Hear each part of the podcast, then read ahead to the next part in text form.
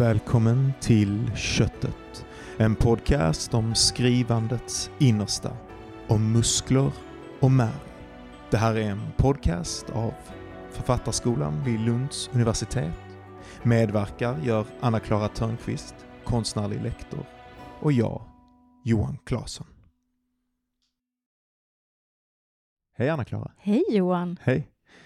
Eh, välkommen till, ja vi vet ju inte vad den ska heta. Nej, det får... eh, vi är Det ju, återstår att se. det återstår att se, men välkommen till eh, en podcast i alla fall i eh, Författarskolans regi kanske man kan säga, Mm. eller åtminstone Så är det. kopplat, producerat på någon vänster i samarbete med Författarskolan. Mm. Jag heter Johan Claesson och med mig har jag Anna-Klara Törnqvist. Anna-Klara, kan inte du börja med att introducera dig själv och vem du är och hur den här podden, hur jo, vi kom till den? eh, mycket på en gång som jag ska göra där, kände jag. Men jag kan börja med mig. Börja med dig. Ja, Anna-Klara. Jag har jobbat på Författarskolan sedan 2019 Och ungefär. Författarskolan är Lunds kreativt skrivande utbildning. Precis, eller litterär gestaltning brukar vi prata om. Det kan vi komma in på kanske. Ja, det vill så jag jättegärna småningom. veta. För eh, Carola Mikaelsson som är en av våra andra lärare, hon är väldigt noga med att skilja på kreativt skrivande och litterär gestaltning. Okej, Men det, vi kommer till det. Eh, Det är en tvåårig utbildning just på Lunds universitet. Den ligger på Språk och litteraturcentrum. Man kan också om man vill läsa avancerade kurser på fördjupningsnivå och magisternivå. Och du har ju faktiskt gått. Det är ju lika bra att vi är öppna med det Johan. att vi avslöjar mig direkt. Ja. Jag har gått den här Du utbildningen den här. och jag är för närvarande praktikant på den här Precis. utbildningen och det är så den här podcasten Ja, eh, så du har ju gått plats. kandidat, upp till kandidatnivå har du Det stämmer. gått på Författarskolan. Där arbetar man med ett projekt under de här två åren, men man eh, samtalar också väldigt mycket om skrivprocess. Det är väldigt mycket tillfälle för reflektion, samtal. Man läser en hel del såklart också. Eh, min väg in till Författarskolan har varit lite krokig kanske, även om det för mig känns väldigt självklart att jag är där nu. För mig. Det känns som jag har hamnat på rätt plats i rätt tid eh, i livet. Vad bra. Ja, Ja. visst är det skönt? Ja, jätteskönt. Ja. Det är min dröm Ja. att känna så också. Eh, men jag eh, är egentligen från början gymnasielärare i svenska och religion, men har alltid haft ett Okej. extremt stort läs kärlek till läsningen framför allt. Eh, så man får nog säga att det börjar med läsning, om jag tittar liksom långt, långt tillbaka. Men sen har läsningen hela tiden gett im- impulser till att skriva. Så att jag har också Just varit intresserad av att skriva, såklart. Mm. Ehm, jag trivdes som gymnasielärare, men när den här drömmen om att fördjupa mig, få fortsätta, jag saknade litteraturen väldigt mycket. Jag saknade universitetet väldigt mycket. Eh, så så småningom tog jag mig till forskarutbildning i litteraturvetenskap i Lund 2010. Och egentligen vill jag nog skriva en roman. Mm. Det brukar vara så med Ja. litteraturen. det sägs ju det. Bakom varje svensklärare finns en misslyckad författare, Ja, sägs det ju. Eh, Oj, bakom- bara, det, är, det är den stora skräcken. Jag känner nästan Ja. hur jag darrar bara du att du så. blir svensklärare. Ja, men det finns en sån uh, föraning i mig. Men det, det ska man inte se ner på. Det är viktigt med Det är svensklärare. viktigt. Ja, men jag eh, kämpade på där och skrev... Jag skulle först skriva om Selma Lagerlöf. Just det. Eh, kom till en punkt där jag tänkte antingen hoppar jag av eller så byter jag ämne. Mm. Det är en lång historia som vi inte Mm. tar nu. Men det, det slutade med att jag skrev min avhandling om Kristin Falkenlands prosa Mhm. eh, och trons och tvivlets tematik eh, i en postmodern tid. Mm. Eh, så 2010 disputerade jag. Mhm. och gick rakt ut i ingenting. Det är lite som att gå ut författarskolan, Just att det. disputera. Att man är, nu är man klar och så Ja. står man där och tittar och man har inte en uppenbar Nej. riktning. På liksom. disputationsdagen är man högst upp i livet och dagen efter är man längst ner igen. Mm. Men eh, jag hade turen att få undervisa på Högskolan Kristianstad i då kreativt skrivande Okej, med Therese Granvald och oj, okej. Joakim Forsberg så småningom också, Okej, som ju också jobbar på Författarskolan Ja. och kanske blir gäst hos oss. Therese har gjort det någon gång Therese har absolut jobbat i många år på Författarskolan Okej, och ja. gjort väldigt mycket för den? Hon, utbildningen. hon är ju lite, hon är lite kändis i Hon är lite kändis, världen, absolut. sådär. Och ansvarig för Folkets hörna också. Just som det. vi kan tipsa om. Ehm, så det var viktiga år. Eh, det enda som var tråkigt med det var att det var helt på distans. Så vi träffade aldrig studenterna. Just det. Eh, vi satt med otroliga mängder texter också. Okej. Vi hade en sommarkurs eh, med 1500 sökande varje år. Okej, oj jäklar. Vi tog in 150 tror jag. Oj, men ändå mycket elever. Alltså, det är mycket, texter att väldigt jobba mycket med. texter. Ja. Ehm, men trots detta då så la ju Högskolan Kristianstad ner de här kurserna. Okej, Så då hamnade jag på lärarutbildningen just det. eh, på Malmö universitet istället. Nu blev det här en lång historia. Eh, det var otroligt viktigt. Alltså, allt jag har gjort före författarskolan har varit väldigt viktigt och gjort mig till förhoppningsvis en bra Men du halkade Lärare. liksom li- ändå lite in på skrivpedagogbanan i och med det här då att du kom Mm, från ja. litteraturvetenskapen och bara... Eh, Det här glömde jag ju säga. jaha. Det är lite sådär hemligt egentligen. Att då när jag hade min doktorandkris där, Okej, då gick jag skrivpedagogutbildningen okej, i smyg. okej. Så du har, inte, du har inte berättat detta för, eller Nej. varför är detta en hemlighet? Nej, det är för att jag var ju doktorand också. Jaha, då får man Ja. inte lov att göra andra grejer Jo, det samtidigt. får man kanske. Men, Okej. eh, men Det ses lite... jag behövde på något sätt komma, jag behövde komma tillbaka till litteraturen Just det. faktiskt. För att man hamnar på något sätt i så teoretiska Ja. perspektiv. Ja. Ja, ja men eh, wow. Och det gjorde det. Och det var ju, gjorde, gjorde ju också att jag fick den här, det här jobbet, deltidsjobbet på Högskolan Kristianstad och så småningom har det fått mig att landa här på Författarskolan. Just det. Mm. Mm. Eh, och jag då, Just som man det. gör som en god... Eh, eh, nu har du pratat din Ja. Nu Johan. Jag har ju redan avslöjat då att du har varit student på jag har läst Författarskolan. eh, Författarskolan. Eh, jag har läst eh, mycket olika grejer. Jag har eh, varit en ganska vilsen själ och är kanske en ganska vilsen själ eh, i livet fortfarande. Eh, men det enda som på något sätt har varit beständigt i mitt liv är väl kanske då eh, skrivande och ett intresse för text och sådär. Eh, och eh, jag, när jag var antingen 23 eller 24 för en eh, sju år sedan, sådär, sju, åtta år sedan, så eh, bestämde jag mig för att börja. Eller först hade jag nog också sökt in till en litteraturvetenskaplig, bara sådär modern litteraturkurs som en, ja men det var spännande, jag hade inga egentliga tankar, jag visste inte vad jag ville, jag hade pluggat lite politisk filosofi, statsvetenskap tidigare eh, och bara tänkte att det här, ja men det här är någonting som jag vill fördjupa mig med, jag hade ett stort läsintresse i tonåren men, eh, och, och skrev en del då och tänkte hela tiden att jag skulle bli författare men det är sådär eh, nästan motvilligt liksom. Jag bara, men det är väl det här det blir. Jag väl författare för det är ju skriva jag är duktig på och det är det här jag håller på. Jaha, Jag- motvillig författare. Ja men det var ju, sen har jag ju fattat, sen har jag ju fått, jag kommer till det. Mm, mm. Sen har jag fått jobba med och inse hur svårt det är att man inte kan vara en så jävla motvillig författare. Liksom. Ehm, men eh, men eh, jag, eh, jag höll på hela mina, jag höll på från att jag var 24 då, att eh, då bestämde jag mig att jag skulle prova att skriva en roman. Och jag läste Stephen Kings sån här uh, On Att Writing. skriva. Ja, Mm. precis. Fantastisk eh, skrivpedagogisk bok.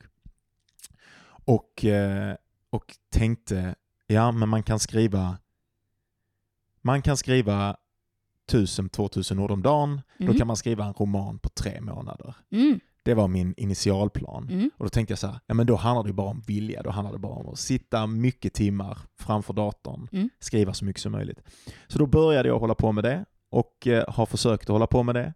Och tiden har gått. Och nu är jag sju, åtta år in i den där processen och har brottats väldigt mycket med vad det är att försöka skriva varje dag och vad det är att förstå det sättet som eh, skrivandet uppstår för en. Nu kommer här en jättestor hund här jättestor hund. och minglar med mig. Ja. Hej Lea!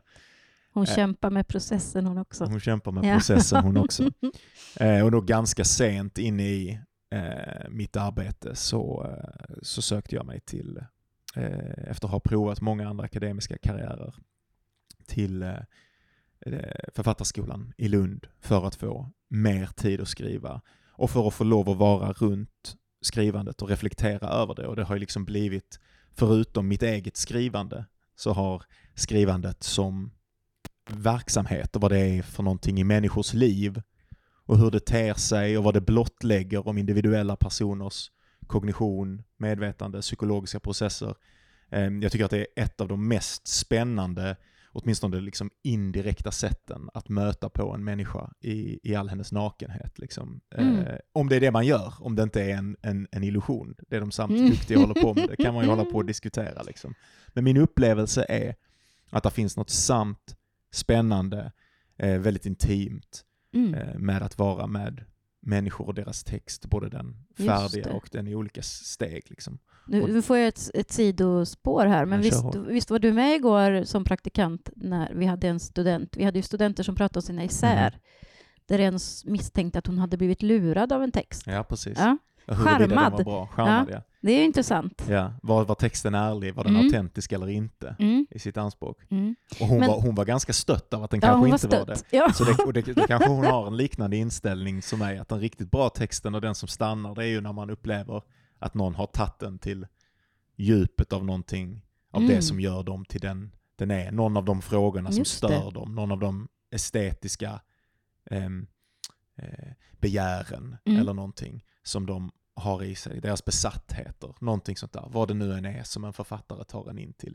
Och ju mer naket, och, alltså vad bra skrivande är, tänker jag, eh, det är ju eh, det är ju någonting som verkligen lyckas i att vara helt, på något sätt helt osynligt. Men inte helt osynligt i sin stil, i sin form eller Mm. någonting, men i sin, i sin ansträngning. Mm, jag förstår hur du menar. Ja. Att, det, att det, det verkar självklart Ja. och givet. Ja. Och som Så här ska det vara. Precis, och det Mm. var alltid tvunget att bli så. För Mm. denna människan Mm. var det alltid tvunget att bli Mm, så. jag liksom. förstår. Och det är väl det som ger upphov till den här känslan av det väldigt nakna. Liksom. Men jag tänker fråga dig Johan, för nu pratar du mycket om att du, den motvillige författaren Mhm. och eh, att du var intresserad av att skriva och sådär.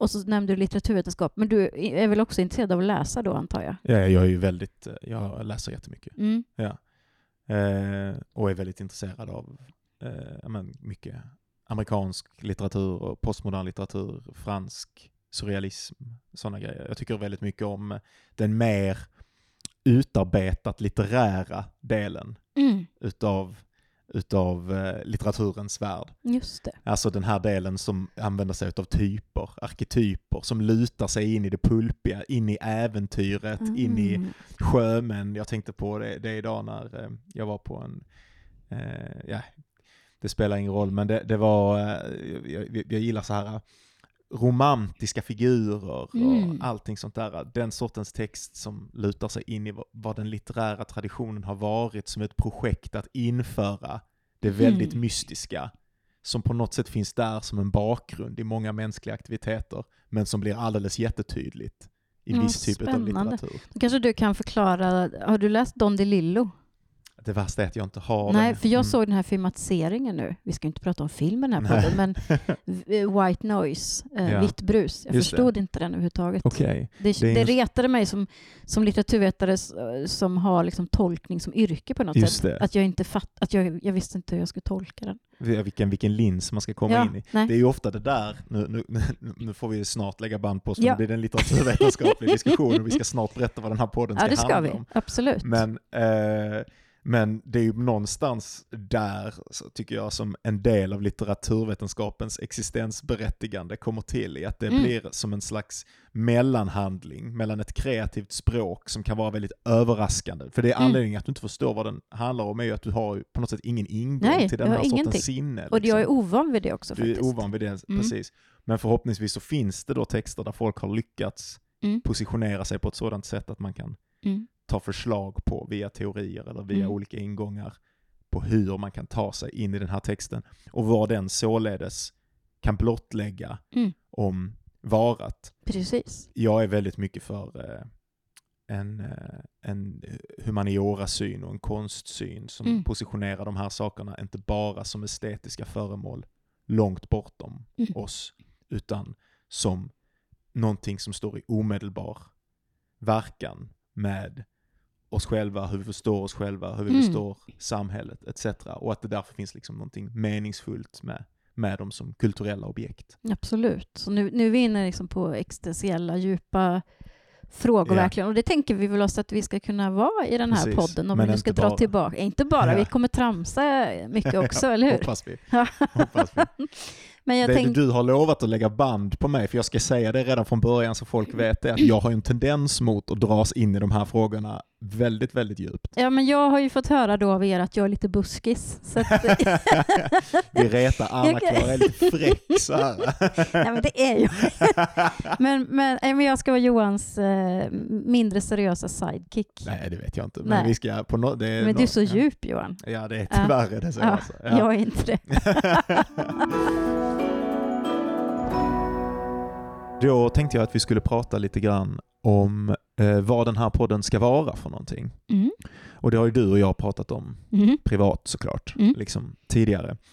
Ehm, men där är ju tanken, vi har ju pratat om att det finns ganska mycket poddar som, eh, och material och sånt där ute som, som rör hur det skrivna verket är som objekt och som liksom en lista på egenskaper som man kan eh, som man kan tillfredsställa. Alltså, har den en bra dialog som känns på detta sättet? Ja, det har den. Ja, men då är det färdig litteratur. Har den Ja. en bra struktur? Ja, det har den. Ja, men då är den färdig litteratur. Och sen så som skrivande människa så ska man på något sätt, speciellt i, i sina tidiga faser, Mm. förhålla sig till den listan. Mm. Och sen så ska man själv, när man närmar sig eller börjar fundera över att man ska skriva någonting, eh, så ska man tänka, men hur får jag mina små sessioner Mm. här framför datorn att likna någonting sånt, en sån Mm. färdig lista. Vad är det att skriva bra dialog? Vad, vad är det för någonting? Hur gör man det? Hur går man från att bara sitta där med den vita sidan Mm. till det?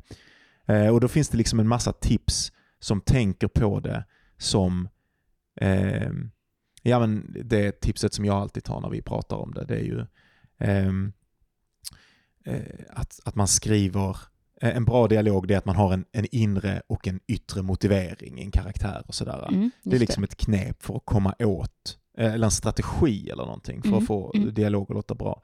Men någonting som jag upplever saknas och som vi hoppas att den här eh, podcasten ska vara, och jag ska låta släppa in dig snart här, men eh, det är ju eh, ett fokus på hur det faktiskt är för den skrivande människan när hon sätter sig framför skrivbordet. Eh, så skrivandets mikrofenomenologi har jag kallat det. Mm. Och jag har ju vägrat eh, det, för jag kan inte säga det. Nej, det, det, Fenomon, dum, fenomon, fe, jag kan inte säga det. det är en dumt här. ja, vi kan inte, det kan inte heta så, men jag förstår vad du menar. Mm. Jag vet ju vad ordet betyder. Ja. Ja. Bara hur upplevelsen är av att vara framför skrivandet. Och då tänkte jag, men jag tänkte ändå att, att, att jag vill höra vad, vad du tänker och kanske Mm. då också som, som skrivpedagog över Mm. det här att prata, för vår tanke är att vi ska prata med författare och Precis. skrivande människor om hur deras dagliga, eller hur ofta de nu gör det, möte med skrivandet går till. Ja, precis. Och deras skrivprocess och, och tankar kring skrivande. Ehm, jag tänker att det här har lite med det jag nämnde tidigare med skillnaden på kreativt skrivande och litterär gestaltning som som sagt Carola borde prata om för att hon har tänkt på detta väldigt mycket.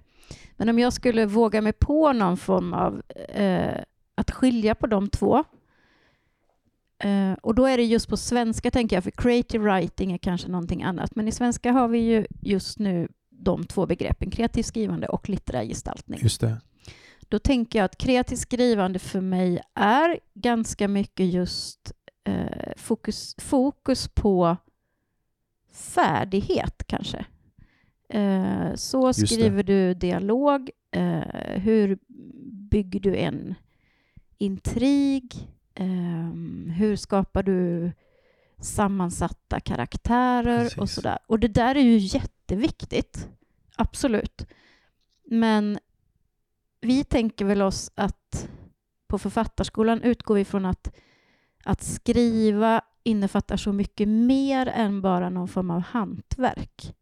Verkligen. Ja, eh, det innefattar att vara människa, att vara en skri- du sa den skrivande människan. Eh, det är en process som verkligen har sina upp och nedgångar.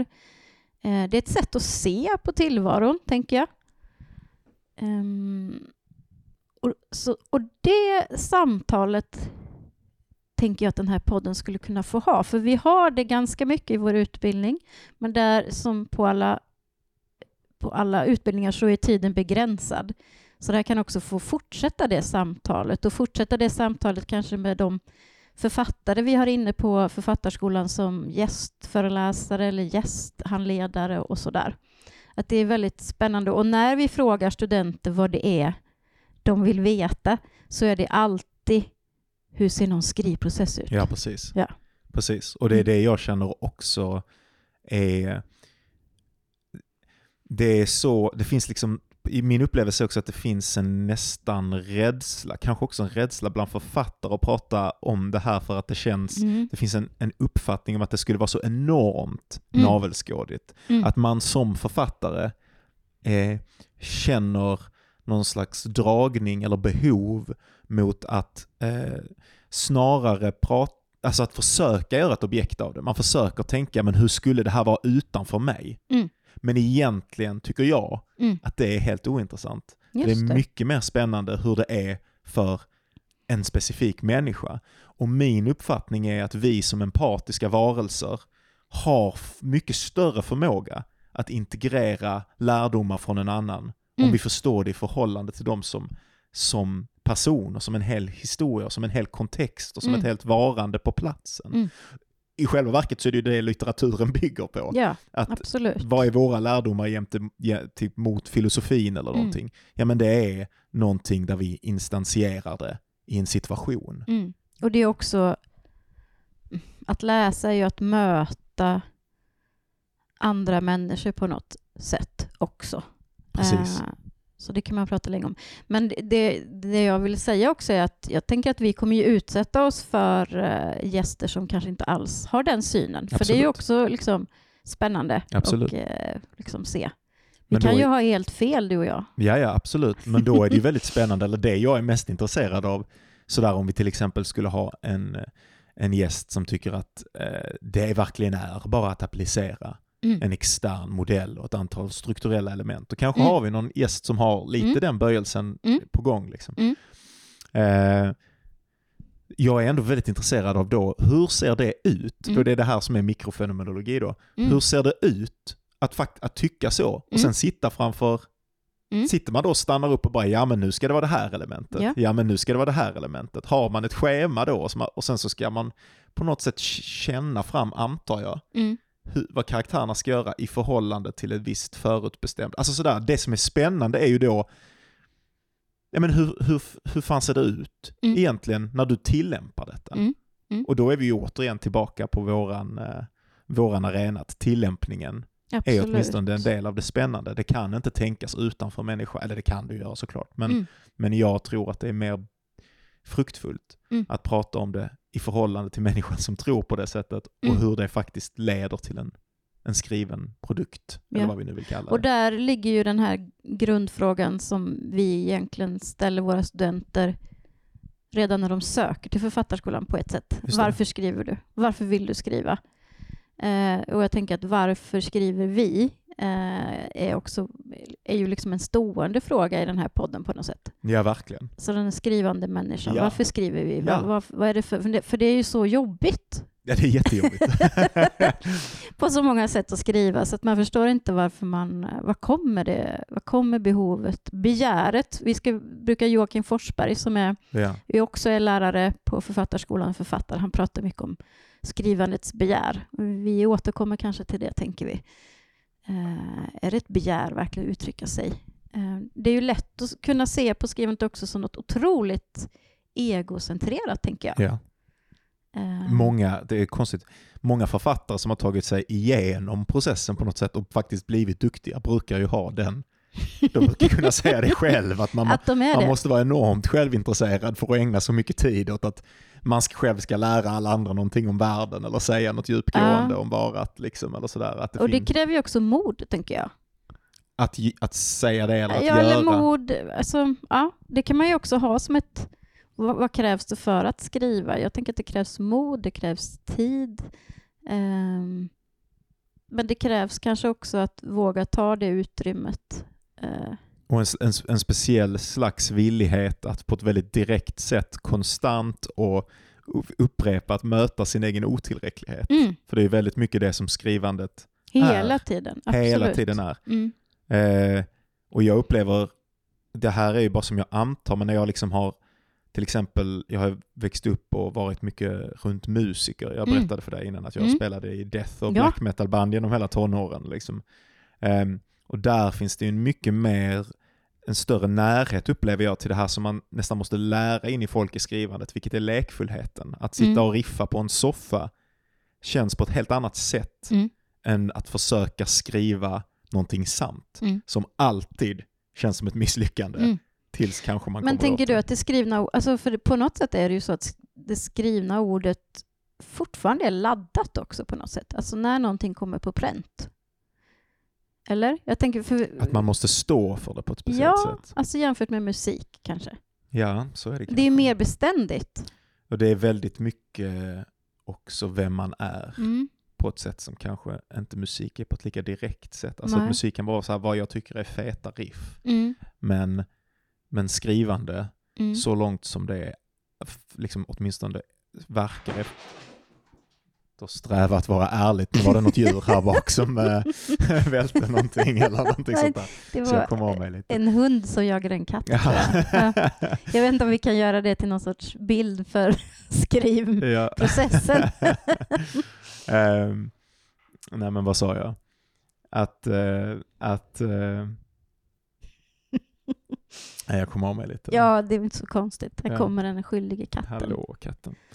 Det är väldigt många författare som har katt för övrigt. Är det så? Jag har hund. Mm. Betyder det? Det här tror jag till och med att Knausgård har eh, skrivit om någon gång. Att eh, inga har författare... Han? Nej, men jag tror att han har haft hund och så oroar han sig mycket över om en författare kunde ha hund. Ah, varför? tror du? Eh, jag vet inte, det är väl, jag vet inte om han bara använder det som någon neurotisk. Jag har inte läst jag har läst ja, men Jag tycker det faktiskt någonstans. på riktigt att det, det här är ju verkligen ett sidospår, men att det på, på allvar är lite spännande. Om vi tänker oss då liksom fördomarna om katt och hund. Just så det. katten är ju självständig, den kommer när den vill, den har otroligt stark integritet. Sådär. Hundar har ju nästan ingen integritet överhuvudtaget. Eller kan så. du säga. Och då tänker jag författare, skriva. Alltså det är någonting med det här lite svåra i katter som passar med skrivande. Så är det, så är det kanske. Ja. Uh, ja. Uh, men det är ju i alla fall i korthet vad vi är intresserade av Eh, Undrar om någon alls har förstått det. Men, vilka, var är vi? men jag kan säga så om det här var liksom lite vagt för er, det vi har pratat om nu, så kommer det bli väldigt tydligt när ni väl får lyssna på gäster vi har Precis. och vilka samtal vi har och så. Precis. Mm. Hur skrivandet tar plats. Eh, och jag tänkte då, i och med, för det som jag tänker är viktigast att ta, sig, ta med sig där ändå, det är att vi ser en, en konkret skillnad mellan att prata om hantverket, skriva, mm. och att prata om skrivande som ett förhållande mellan en människa och en process. Mm. Och på något sätt ett spänningsfält där som förhoppningsvis ska generera någonting färdigt, en mm. text, mm. någonting sådär. Eller, eller, eller inte, eller ska det det? Det är också det här, vi, det här mm. tycker jag också är spännande frågor. Absolut. Jag har också tänkt jättemycket på att för mig, Eh, och jag håller på med lite andra grejer nu med författarskolan också och eh, försöker bygga eh, någon slags modell eller en, en tankegång över hur, vad jag anser att en, en bra skrivande process är, där den här podcasten är en del av det arbetet. Och en av de sakerna som jag upplever att folk, eller två av de sakerna som jag upplever verkligen eh, gör att skrivandet blir ännu jobbigare för människor som ändå har sökt sig till till exempel skrivutbildningar för, för att det är någonting som de vill ska vara meningsfullt och för att de alltid har känt Eh, att det finns något meningsfullt med eh, att, att producera en skriven text, med att säga någonting. Eh, det första problemet, eller det första saken, eh, det är att eh, man alltid hör externa mål. Och det finns ju nästan en klyscha så här att folk, författare, det är sådana som inte gillar att skriva, men som mm. gillar att ha skrivit. Mm. Eller mm. sånt. Det är en gammalt skämt. Mm. Liksom. man gillar idén av att ha skrivit, man gillar idén av att ha en färdig text, idén av att ha sagt något smart. Eh, och det blir också det som blir målet och sen blir varje misslyckande på vägen till det en katastrofal personlig kris. Liksom. och då är min ena intresse att, att, vänd, att se om det finns, om man för talet om skrivandet närmare det skrivande ögonblicket Mm. och närmare människan och den eh, förvandlingsprocess som människan går igenom eh, medan hon skriver ett verk. Eh, förhoppningsvis så kan man då också ändra så att, att processen på något sätt blir ett mål i sig självt och blir berikande i sig självt oavsett om någonting blir färdigt eller inte. Och det är klart man vill att något ska bli färdigt, men det är, jag, vill, jag vill ha ett sånt, jag letar efter ett sånt språkbruk och jag hoppas att jag ska hitta det bland alla de här människorna vi ska prata om och jag försöker också hitta det gentemot mig själv. Eh, och det andra är att skrivande inte till samma grad som till exempel musik, och det här har jag sagt till dig tidigare, har övning som ett begrepp. Alltså man har, det finns en tanke och speciellt det här tror jag särskilt från den, i förhållande till den yttre världen. Att släktingar, vänner, folk som får höra om att nu har jag börjat skriva på min bok. De har en förväntan. Ja, men Mm. Vad kan det ta? Två år? För du Mm. skriver väl från första meningen till Mm. den sista Mm. och du känner vad de här karaktärerna gör. Mm. Och sen blir det ett färdigt ark och det blir Mm. sådär. Mm. Och så ser ju inte skrivandet ut för någon. Nej, Så jag är ute efter ett språk som, där, där vi kan prata om riffandet, att sitta och Ja, riffa på visst. soffan. absolut. Men där tänker jag vi har också eh, det du var inne på lite tidigare när du pratade här med skrivandet kontra resultatet av skrivandet. Att liksom tänka sig, jag, jag tycker inte om att skriva, men jag tycker om att ha skrivit någonting. Eh, vi brukar ju alltid prata på författarskolan i början där om vem är en författare? Eh, vem, får, vem får kalla sig det? Vad finns det för föreställningar om vem som är författare? Kommer du ihåg det här Johan? Jag kommer ihåg det. Ja, du ser liksom lite... Nej, för jag tycker att det är roligt. Det, det, det, det på något sätt blottlägger någonting i problemet också, att det här äh, att få kalla sig författare är en sån väldigt stor del. Mm. Det här identitetsanspråket är en så väldigt stor del Mm. av det som sätter igång en till att skriva från första början. Absolut, absolut. Men jag tänker Carola brukar alltid lyfta eh, Maria Brynge som gjorde en fantastisk gärning som, som skrivpedagog på Skurups folkhögskola i många, många, många år. Okej. Och hon skrev dagligen, jättemycket, men gav aldrig ut någonting. Mm. Ville inte göra det heller. Men såg sig på djupet som, Som en skrivande, människa. Wow.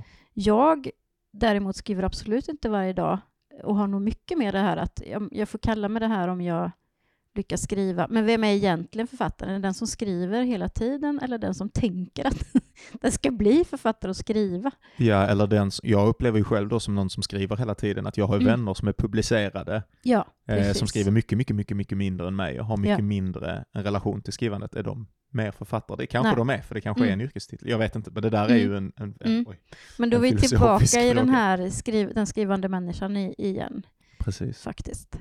Eh, Precis. Eh, jag vill också säga någonting eh, snabbt eh, bara om eh, en idé som jag hade, eller en, en, en möjlighet, ett förslag till vad det här skulle kunna vara bra för. Eh, och det här är hämtat ur egen erfarenhet, så att Mm. man får ta det här som man vill. Men jag tänkte på att, att det här är ändå, det är någonting man kan fundera över på varför man skulle vilja lyssna på någonting sånt Mm. här. ja. Eh, jag själv mediterar, som Mm. du vet. Mm. Det är en väldigt stor del. Mm. Jämte skrivandet så är det de två stora delarna av mitt liv. Och jag är Mm. väldigt intresserad, jag läser mycket originaltexter, buddhistiska texter. Jag läser väldigt mycket om, jag är mediterande och är i den världen, är en nörd, precis som jag är mot, jämte mot skrivandet, över de här sakerna. Eh, och länge så hade jag en aversion mot att eh, höra om mot att intellektualisera kring Mm. mediterandet. Att Mm. det som var fint med det när allting annat är så mycket intellektualiserande i mitt liv, det var att det var ett omedelbart möte med kroppen och lugnet och sådär. Mm. Eh, men eh, när jag men, någon gång så var det en vän till mig som också är, som, som, som på något sätt är en, eh, kan, man kanske inte ska prata om en bättre meditatör, men en ännu mer erfaren meditatör än vad jag är, eh, som tipsade mig om en bok Mm. som, eh, som rörde just mediterandets mikrofenomenologi. Mm. Alltså hur när man stänger ögonen och saker börjar hända, vad är det för olika saker som kan hända? Hur kan man Mm. förhålla sig till de olika sakerna? Mm. Eh, hur kan man, eh, ja, det, det här är svårt att beskriva utan att bli själv väldigt fenomenologisk och det ska Mm. jag väl inte bli då. Men, men det finns liksom olika saker som kan hända och det kan arta sig på olika sätt och sådär. Och det här var på något sätt en slags karta över allting det som kunde hända.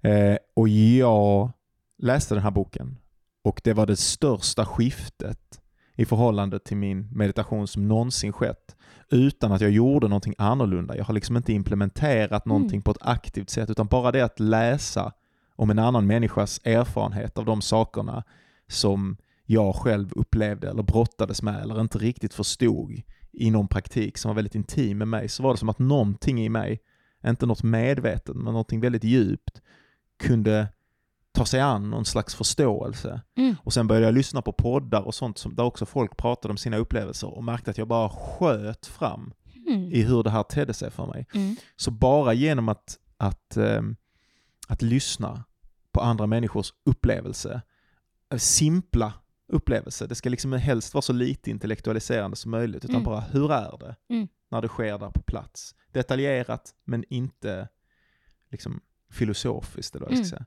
Så öppnades rum upp i mitt sinne Mm. som påverkade hur själva det här flödet, eh, intagandet av information etc. var strukturerat. Mm. Och så hoppas jag och tror att man kan förhålla sig till skrivandet också. Att genom att höra om andra människors skrivande upplevelse, genom att höra till vilken grad de ser bilder i sitt huvud eller till vilken grad de går ifrån skrivbordet för att titta på anteckningar eller hur, hur, huruvida de är väldigt filosofiska med att bara sitta kvar och brottas, till vilken grad de tänker och till vilken grad de känner fram orden, etc. Så ska någon slags möjlighetsfält kunna öppnas i de som lyssnar på det här. Mm. Där någonting i dem förstår. Men det är det spännande, vara. för på något sätt då kan man säga att vi, vi, vi rör oss i en paradox, tänker jag. För å ena sidan så är det någonting ogreppbart i detta Mhm. skrivande som vi aldrig kommer åt. Ja.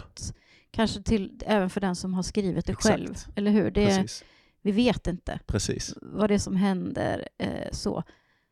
Och, och, och det vill vi kretsa kring, samtidigt som vi då vill på något sätt göra det ganska konkret också. Ja. Ja. Ja. Utan att avförtrolla det hela Ja. då. Det är, bara, Mm. det är ju liksom i, om det är någonting som löser det här Mm. så är det ju den empatiska upplevelsen Mm. snarare än den intellektuella upplevelsen. Det är Mm. det som är min tro. Jag Mm. tror att vi är duktiga på att spegla andra människor i oss själva när vi hör om deras upplevelser Mm. utan filtret av hur de vill sälja deras upplevelser till oss. Precis. Sådär, eller hur de vill intellektualisera kring det eller så. Så det, det är ambitionen. Nu har vi pratat jättemycket, men det intressanta här är ju att vi har pratat i en podd som vi inte har en titel på än. Just det. Ja. Så jag tänkte att vi måste, liksom, vi må, vi måste reda ut det där du och jag Johan. Ja, Ja. precis. Vi har något att Vad ta vi, itu med vad vi här. har för idéer Ja. liksom, eller för, för, eh, för inriktningar. Ja. Och när den här podden kommer ut, Ja, de som lyssnar på den kommer ju veta. kom... Ja, just det. Ja. ja. Just det, jag tänkte att det skulle vara en cliffhanger, men Just det kan det. inte vara. Ja, det blir Det är bara för oss som det är det. Men eh, nu har vi ju vi har frontat oss lite, så, frontat oss lite så, så att du är den pretentiösa djupa och jag är den lite buskis. Det är hårt, det är du och Vilska som då är den här andra medpraktikanten jag kör. Hon sa det idag, vi hade en föreläsning med Kristoffer Folkhammar Just det. Eh, och så sa hon så här då till honom när hon ställer sin första fråga i den här frågestunden. Hon bara, ja, men du, du hoppar ju mellan eh, två röster. En som är väldigt pretentiös och en som är väldigt eh, så här vardaglig. Och då är det ju liksom att han skriver så här innerliga, lite eftertänksamma grejer. Just det är roligt att prata om pretension. Preta- på ja, det är roligt. Det är också lätt eh, att sånt hamna i det pretentiösa. Alltså, Ja. tänker jag, och rädslan för det pretentiösa, det är också ett samtalsämne. Men, och den har vi kanske lite inför titlarna. Vi har ju lite... Jag tänkte vi ska, ska vi liksom bena lite i de förslag vi har. Ja, Fatta pennan. Det har, det, har, det har du. Så, vad har du tänkt för någonting då? Nej, jag vet inte, jag har egentligen strukit den redan.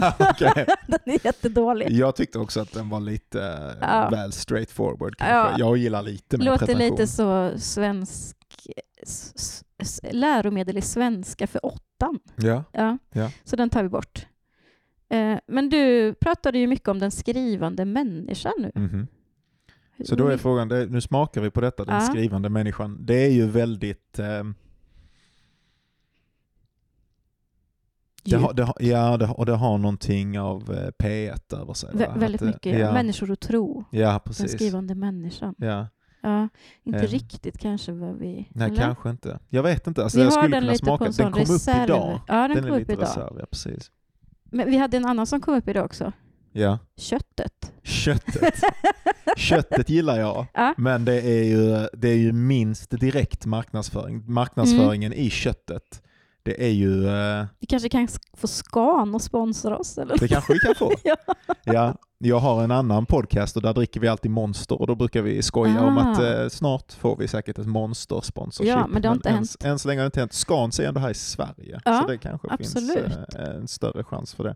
Nej, men vi, det var det att vi pratade om, det var du som sa köttet Ja, egentligen. Så ja. tyckte jag att det var lite så, Det är coolt och det Ja. har liksom också någonting av, eh, ja, men det är ju ändå des, det här som vi pratar om, det är ju ändå Mm. köttet mm, av skrivsituationen. Det är ju ändå Mm. själva klumpen. Det är ju Just ändå det. det, som, som händer. Det har ju Mm. någonting, eh, också att det har någonting av förkroppsligandet i precis. sig. Mm. Och något lite oväntat. Jag gillar det att det Ja. är lite oväntat. Ja, men köttet är en bubbla, jag vet inte. Ska vi, vi ska inte bestämma Nej, vi oss ska nu, kanske eller? inte bestämma nu. Men, Men jag vi hade ju min också då, Ja. favorit, som är Skrid till verket. Och det, var, det hade du fått från... eh, Ja, men jag läste Kristina Lugn. Just det. Inte så dåligt, eller vad heter den? Alltså, Jag har läst väldigt, väldigt ja, lite av men henne. så här, det är jättefint. De samlade ihop postumt massa utkast, för hon skrev ju inte lyrik på väldigt många år. Hon gick ju över till dramatik. Okej. Eh, och så hade Kristina Lugn suttit i ett möte med sin redaktör. Eh, jag låter det vara osagt vem, för jag minns inte riktigt. Och då hade Kristina Lugn sagt, när hon själv hade läst igenom, det här var inte så dåligt. Så jag tror att den liksom, samlingen heter det.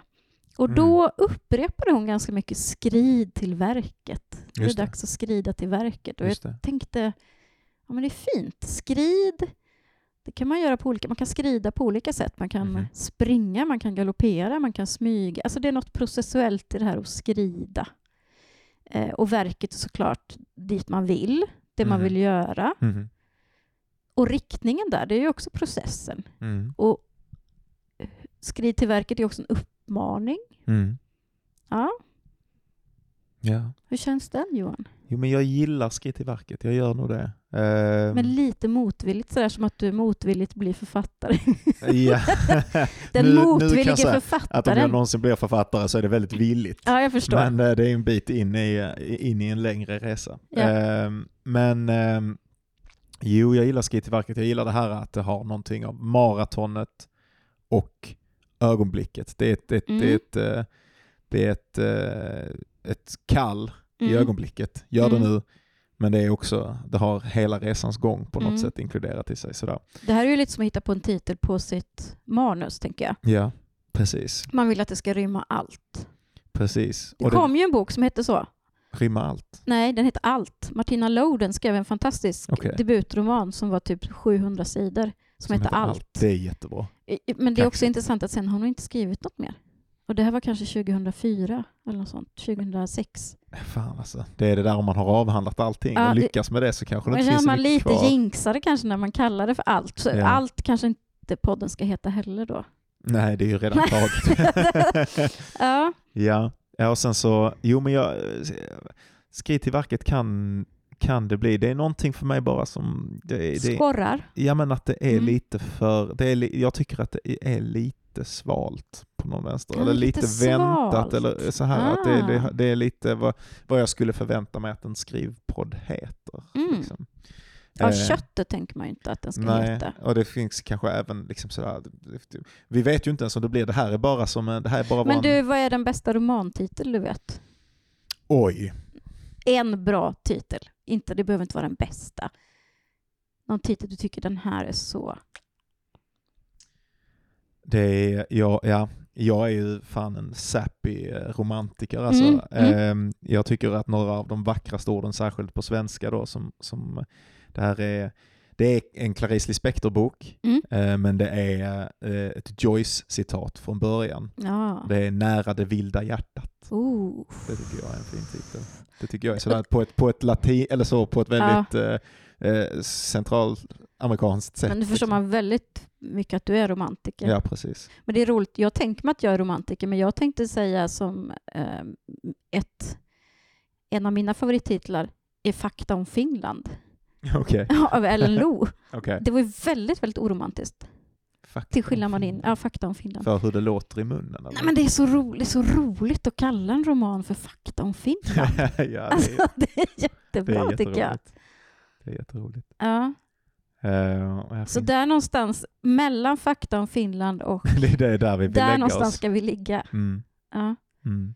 Men de som lyssnar nu då, De vet. De vet. Det Men var det ju det här det sista vi... också. Det var ju den som jag tog upp med dig här nu på slutet också. Det är bara för att man skulle få med att jag tyckte att det var fint. För jag vet inte om Just det blir det. några bra podcast-titlar av det. Men jag satt ju i häromdagen och letade då efter citat om skrivande och då letade jag av eh, Fernando Pessoa Mm, som ju är det. en eh, portugisisk eh, författare och poet. Mm.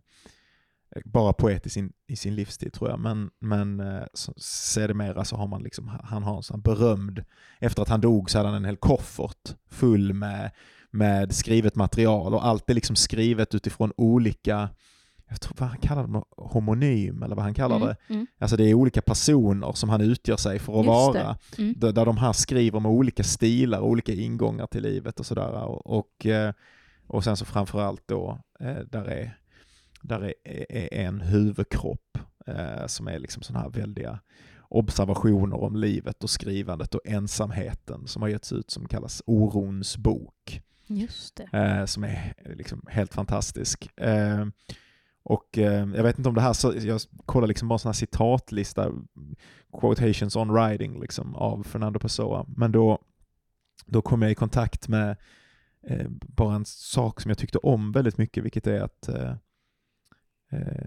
writing is, uh, is making a formal visit to myself Mm. eh, ungefär, eller någonting sånt där. Alltså att eh, skrivandet är ett formellt besök alltså, så, eh, med mig själv. Är Att, eh, att man möter sig själv eh, genom formen och kanske lite konstlat, Mm. men ändå på något, det är ändå ett möte, det är ändå, Mm. det är ändå eh, liksom, det är äkta på något vänster. Nu tänker jag på det vi pratade om igår, George Saunders som ju är författare och skrivlärare i USA. Eh, han har ju skrivit att det är skillnad på den författare man tänker att man vill vara och den som det visar sig att man är. Ja. Och att ganska ofta är det som kommer fram det som någonting som man är skäms lite över. Ja. Det är lite, jag vet inte. Ja, det, där är, det där är fruktansvärt, för man är ju precis den personen man är. Ja. Och det är ju det man alltid letar sig bort ifrån i sitt läsande. så, Precis. så att man kommer alltid i sitt skrivande så måste man till slut acceptera sig själv på ett helt radikalt sätt som Ja. kan vara verkligt fruktansvärt ibland. Man, jag är ju inte mer än det här. Det här är ju de grejerna som intresserar mig. Och man tycker ju att de är tråkiga Mm. av den enkla anledningen att de tillhör en själv. Mm. Men det blir ju spännande för någon annan. det blir spännande för någon annan. Det är det Ja. man måste lita på på något Ja. vänster. Absolut. Ja, det är spännande. Jag Ehm, tänker också oavsiktligt, eller vad heter den här Knausgårds eh, Mm. essäsamling som vi har pratat om. Det är en bra det. titel, men den kan vi inte heller Den kan vi sno. inte sno. Ja, det blir kanske, eller blir det skrivet i verket? Blir det Mm. köttet? Det vet ni ju vet ni som lyssnar på detta. nästa gång ni lyssnar. Nästa gång ni lyssnar. Men varför jag och Johan sitter så här och försöker hitta en titel, är för att vi vill att den ska rymma lite vad den här podden Handlar om. handlar om, det vill säga att vara skrivande. Ja. Och vad är det? ja, vad är det? Hur är det? Och hur mycket är det? Och varför? Ja. Ja. Och var slutar det? ja. Men nästa gång, då har vi nog en gäst med oss. Det har då. vi. Det är Om- tanken om, är att vi ska ha en gäst i, Ja, i varje precis. Om avsnitt ni från redan känner att ni är trötta på, på, På oss, oss. så kommer vi På fylla vårt ut. navelskådande så Ja. ska vi hitta någon annan som kan navelskåda så kan vi tillsammans med er sitta och titta och- på Absolut. deras eh, sj- självförhärligande. Ja, men det ska bli jätteroligt. Vi vet inte riktigt vem än, men det kan ju också Men vi har, vara... någon, eh, vi har, vi några, har flera på lut. ja, Spännande precis. Mm. röster. det har vi. Mm. och mer information kommer förhoppningsvis om det. På våra sociala medier. Mm, Vi finns ju förhoppningsvis eh, på Författarskolans eh, absolut. Instagram. Ja. Så det kan man söka på om man vill eh, Ja. hålla koll på oss. ja, följ det kontot. Det finns Följ mycket kontot. kul där. Det finns mycket kul Ja. där. Kan man se hur Johan ser ut till exempel. Det kan man göra. Man kan Mm. se hur, kanske hur Anna klarar sig Nej. ut också. Jag Nej. har inte lagt upp mig där. Nej, då får jag kanske ta och göra det då när jag har min Spännande. eh, Jag föredrar att vara... anonym. Ja, Nej men då ska jag inte, det gör du som du vill. jag jobbar under pseudonym. Okej. Under Okej. pseudonym hade varit en bra titel. Inte just på det här, men Under överlag. någonting som hade att göra med pseudonymer? Ja. ja det hade det absolut va? Mm. Mm. Ja, men ska vi säga så så länge då? Det ska vi göra. Vi ska Ja. också säga det att eh, idag har det varit, eh, som ni har hört, eh, lite hålligång här med djur och diverse saker som har ramlat och så. Eh, och eh, förhoppningsvis så låter den här eh, kvaliteten eh, okej. Det är, ju- jag använder just nu mina egna grejer för att spela in det här. Eh, I framtiden, vi vet inte riktigt eh, precis när, men förhoppningsvis redan till nästa avsnitt hoppas Ja. vi eh, så kommer vi ha tillgång till en professionell poddstudio. Så om någonting med ljudet har varit lite trilskigt eller sådär eh, i det här Så- avsnittet så kommer det att låta bättre. Ja, håll ut. Och Håll det är ju också för att det är Författarskolan som står bakom den här podden och Författarskolan eh, ligger ju vid Un- Lunds universitet, så det är den, de som ger oss möjlighet till utrustning in, på det sättet. Så det är Precis. jättefint. Tack så jättemycket Tack för Johan. den här gången. Ja, Det var jättekul. det var det. Vi och det ser känns vad som att vi vi, är igång med eh, någonting. vad vi bestämmer för titel då. Ja, det Ja, gör vi. Men ni vet. Ni vet. Ja. Hej då! Ha det bra. Hej då.